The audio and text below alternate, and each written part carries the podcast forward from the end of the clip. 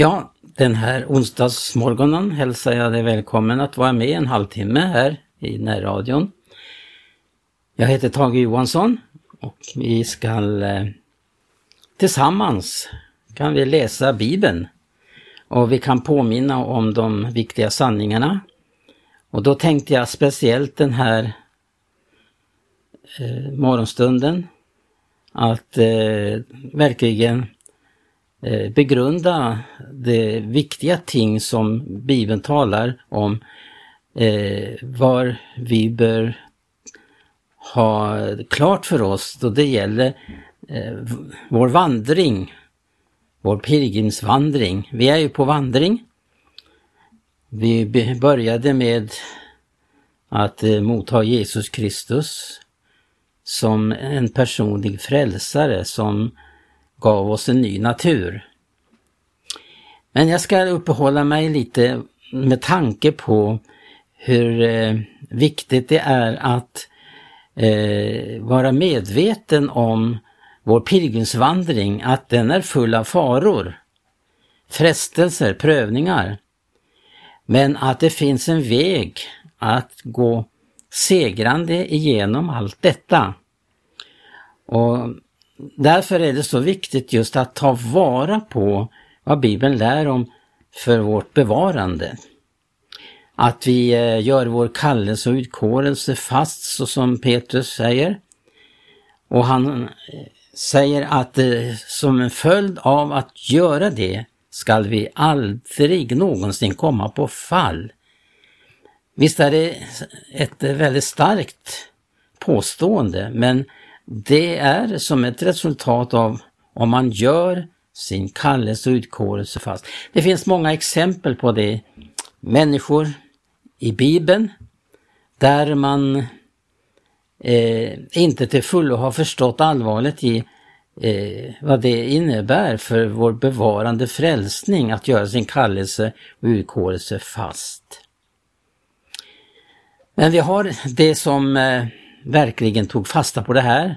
Abraham till exempel.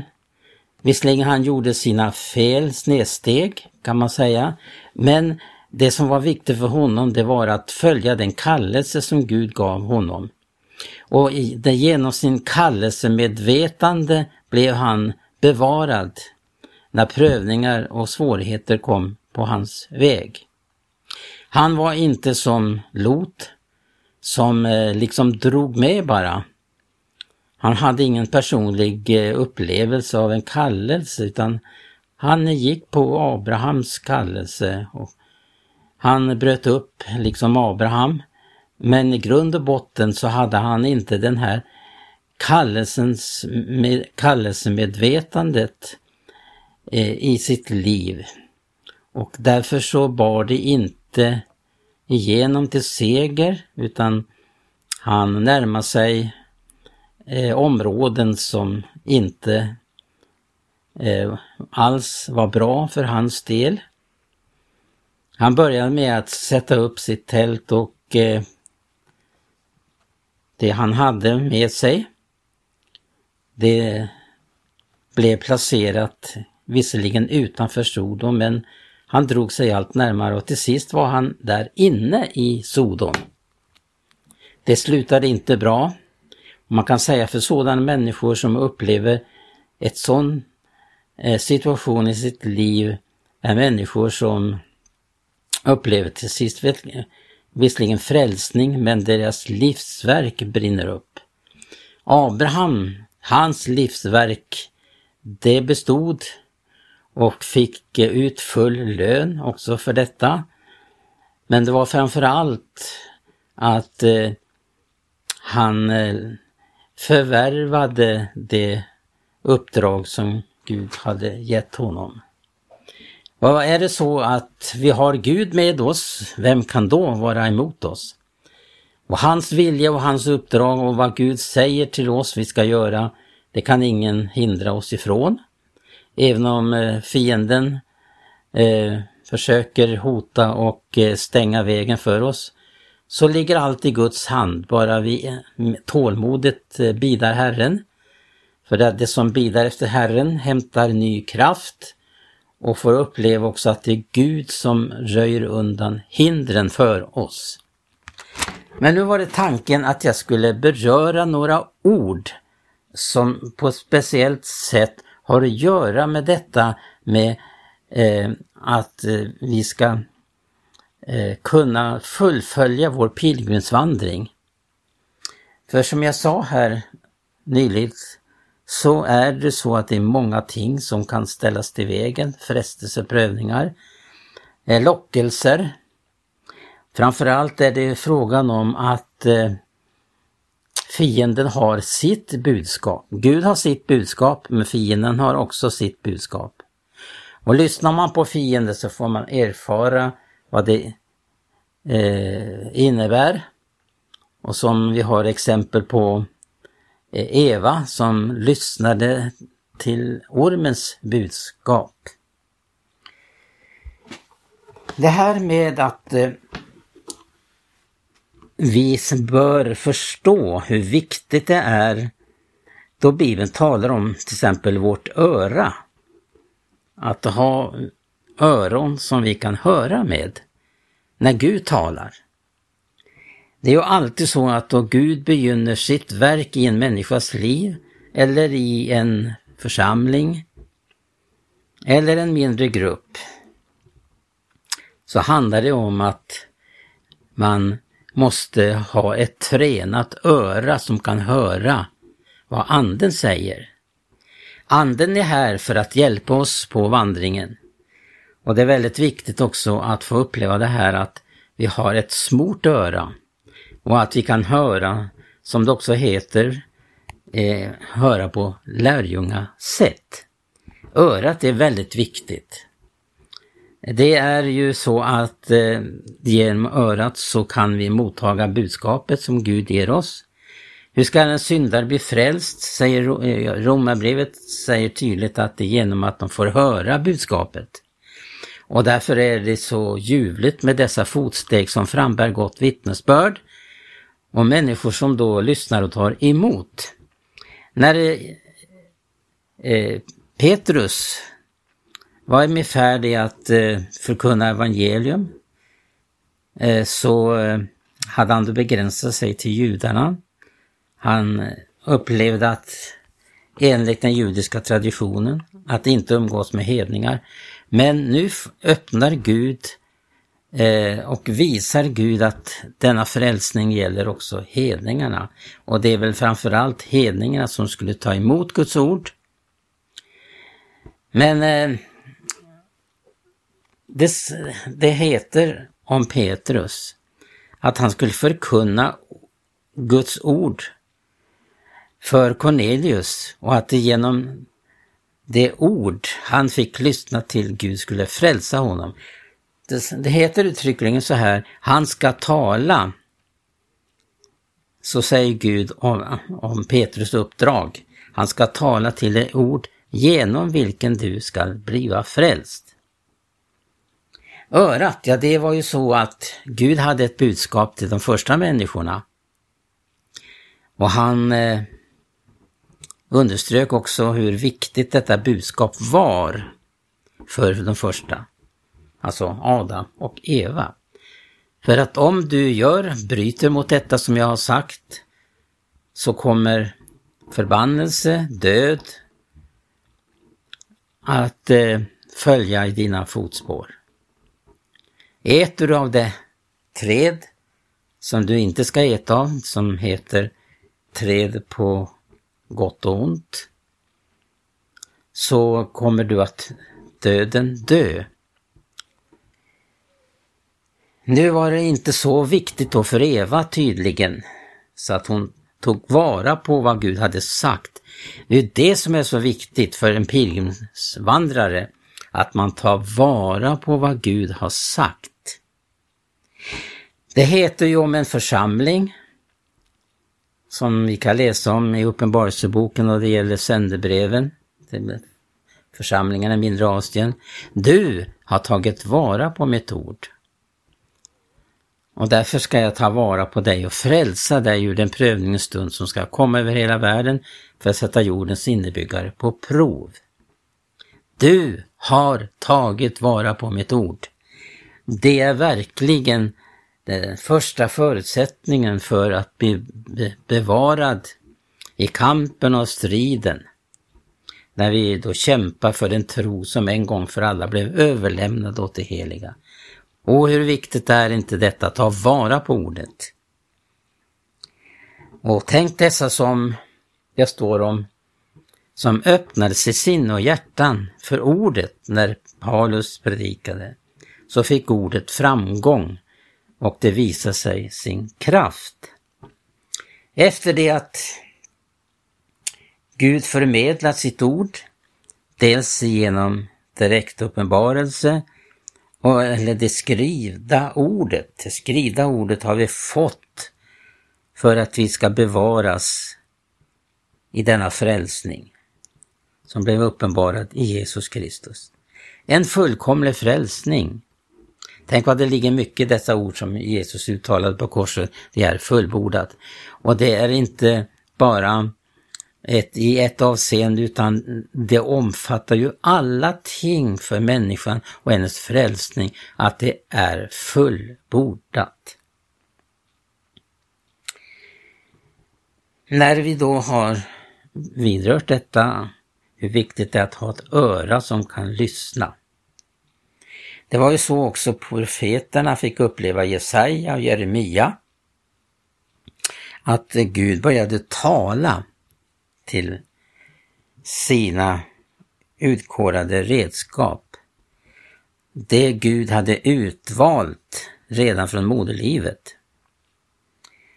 Och vi kan då också förstå att eh, det är väldigt viktigt att eh, då vi mottager ordet och sätter tro till det så kommer också vår tunga att komma till en rik välsignelse i att vi frambär ett gott vittnesbörd.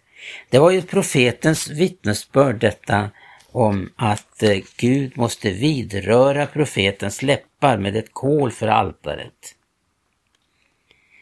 Ja, vår tunga, våra läppar, vår mun skall invigas och helgas åt Herren. För att vi skall låta vår tunga kunna användas i rättfärdighetens tjänst. Men profeten upplever ju då när Gud uppenbarar sig, då, då eh, upplever människan att det handlar om en Gud som är helig. Och eh, så som profeten upplevde, det vi kan läsa om i Jesaja, i sjätte kapitlet och fjärde versen, och dörrtrösklarnas fästen darrade när ropet ljöd. Och huset blev uppfylld av rök. Då upplever profeten. Då sade jag, ve mig, jag förgås, ty jag har orena läppar och jag bor ibland ett folk som har orena läppar och mina ögon har sett konungen, Herren Sävot. Men en av seraferna flög fram till mig och han hade i sin hand ett glödande kol som han med en tång hade tagit från altaret och han rörde därmed vid, mina, vid min mun. Därefter sade han, se då nu detta har rört vid dina läppar och din missgärning har blivit taget ifrån dig och din synd är försonad. Och jag hörde Herren tala och han sade, vem ska jag sända och vem vill vara vår budbärare? Och profeten svarar då, se här har jag sänt mig. Det är väldigt viktigt att hur vi får uppleva Guds frälsning som tar hand om vår mun, våra läppar, vår tunga framför allt. Tänk att tungan kan vara ett sådant mäktigt redskap för Gud. Och det är inte förutan att Jakob tar upp det här om tungans missbruk. Och jag ska faktiskt läsa här hur han beskriver hur tungan har en oerhörd betydelse. Ja, mycket, mycket mer än vad vi kan tro. Och därför så börjar han, Jakob i tredje kapitlet, att eh, uppmana att många bör, bör, bör inte uppträda som lärare. De ska få alltså det strängare dom. Det är väldigt viktigt att en lärare som Gud har satt i församlingen förkunnar ett rätt budskap, att tungan är helgad, att tungan är berörd av Guds eld, precis så som lärjungarna på pingstdagen fick uppleva. Och därför så illustrerar Gud verkligen det här genom att tungor av eld visar sig. Och det är det som det handlar om. För att ska man tjäna Gud så måste man uppleva Guds eld. Och att Guds eld får ta över tungan. Hur den ska användas. Man skriver vidare här då Jakob, det var alltså det tredje kapitlet. Och där fortsätter vi i andra versen. I många stycken felar vi ju alla. Om någon icke felar i sitt tal, då är den en fullkomlig man som förmår tygla hela sin kropp. När vi lägger betsel i hästarnas mun för att de skulle lyda oss, så kunna vi därmed styra också deras, hela deras övriga kropp. Ja, till och med skeppen som är så stora och drivas av starka vindar styras av ett helt litet roder åt det håll dit styrmannen vill. Så är då tungan en liten lem som likväl kan berömma sig av stora ting. Betänk hur en liten eld kan antända en stor skog. Och tungan är en eld, såsom en värld av orättfärdighet framstår den bland våra lemmar.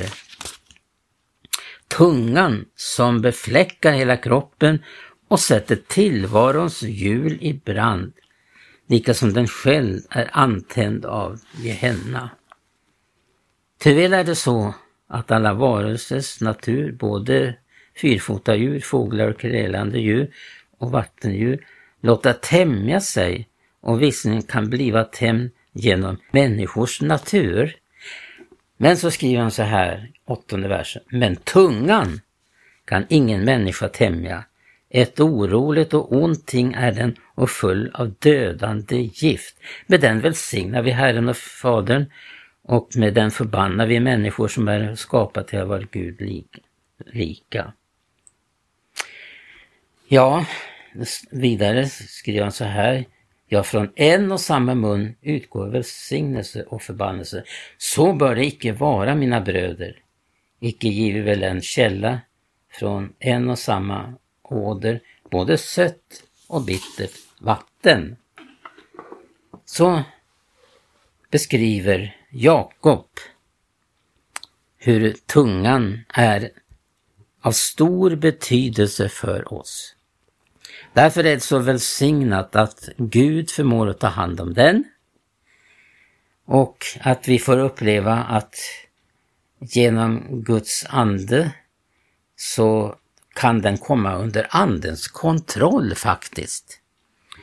Och verkligen få uppleva att eh, hur viktigt det är vårt för bevarande frälsning att den får vara i Guds tjänst. Att den inte bär både sött och bittert vatten, som Jakob beskrev. Ja, tungan, den kan verkligen eh, bli till en oerhörd betydelse. Beskriver inte Hebreerbrevet det? Om man läser, nu läser jag ur 1917, jag hoppas jag tar överseende med det, men det är svårt att slita sig från en översättning man har använt i ja, 60 år drygt. Men det här beskriver eh, författaren hur viktigt det är hur man använder sin tunga om den står i, i trons tjänst eller i otrons tjänst. För så här står det i Hebreerbrevet. Om då det fanns ett löfte för folket att få komma in i Guds vila. det vill säga när de skulle komma in i löfteslandet. Och de hade mottagit det glada budskapet, står det i Hebreerbrevet 4 och 2. Till det glada budskapet hava vi mottagit såväl som det. Men hör här, men för dem blev det löftesord de att höra till intet gagn eftersom det icke genom tron hade blivit upptagen i dem som hörde det. Tänk vad viktigt detta är. Att eh, tro budskapet som Gud ger oss. Att eh, det blir befäst i våra liv. Så att vi talar trons budskap. Man talade otro där i, under ökenvandringen. Vi känner till det här speciellt vid det tillfället då Moses sänder in tolv spejare.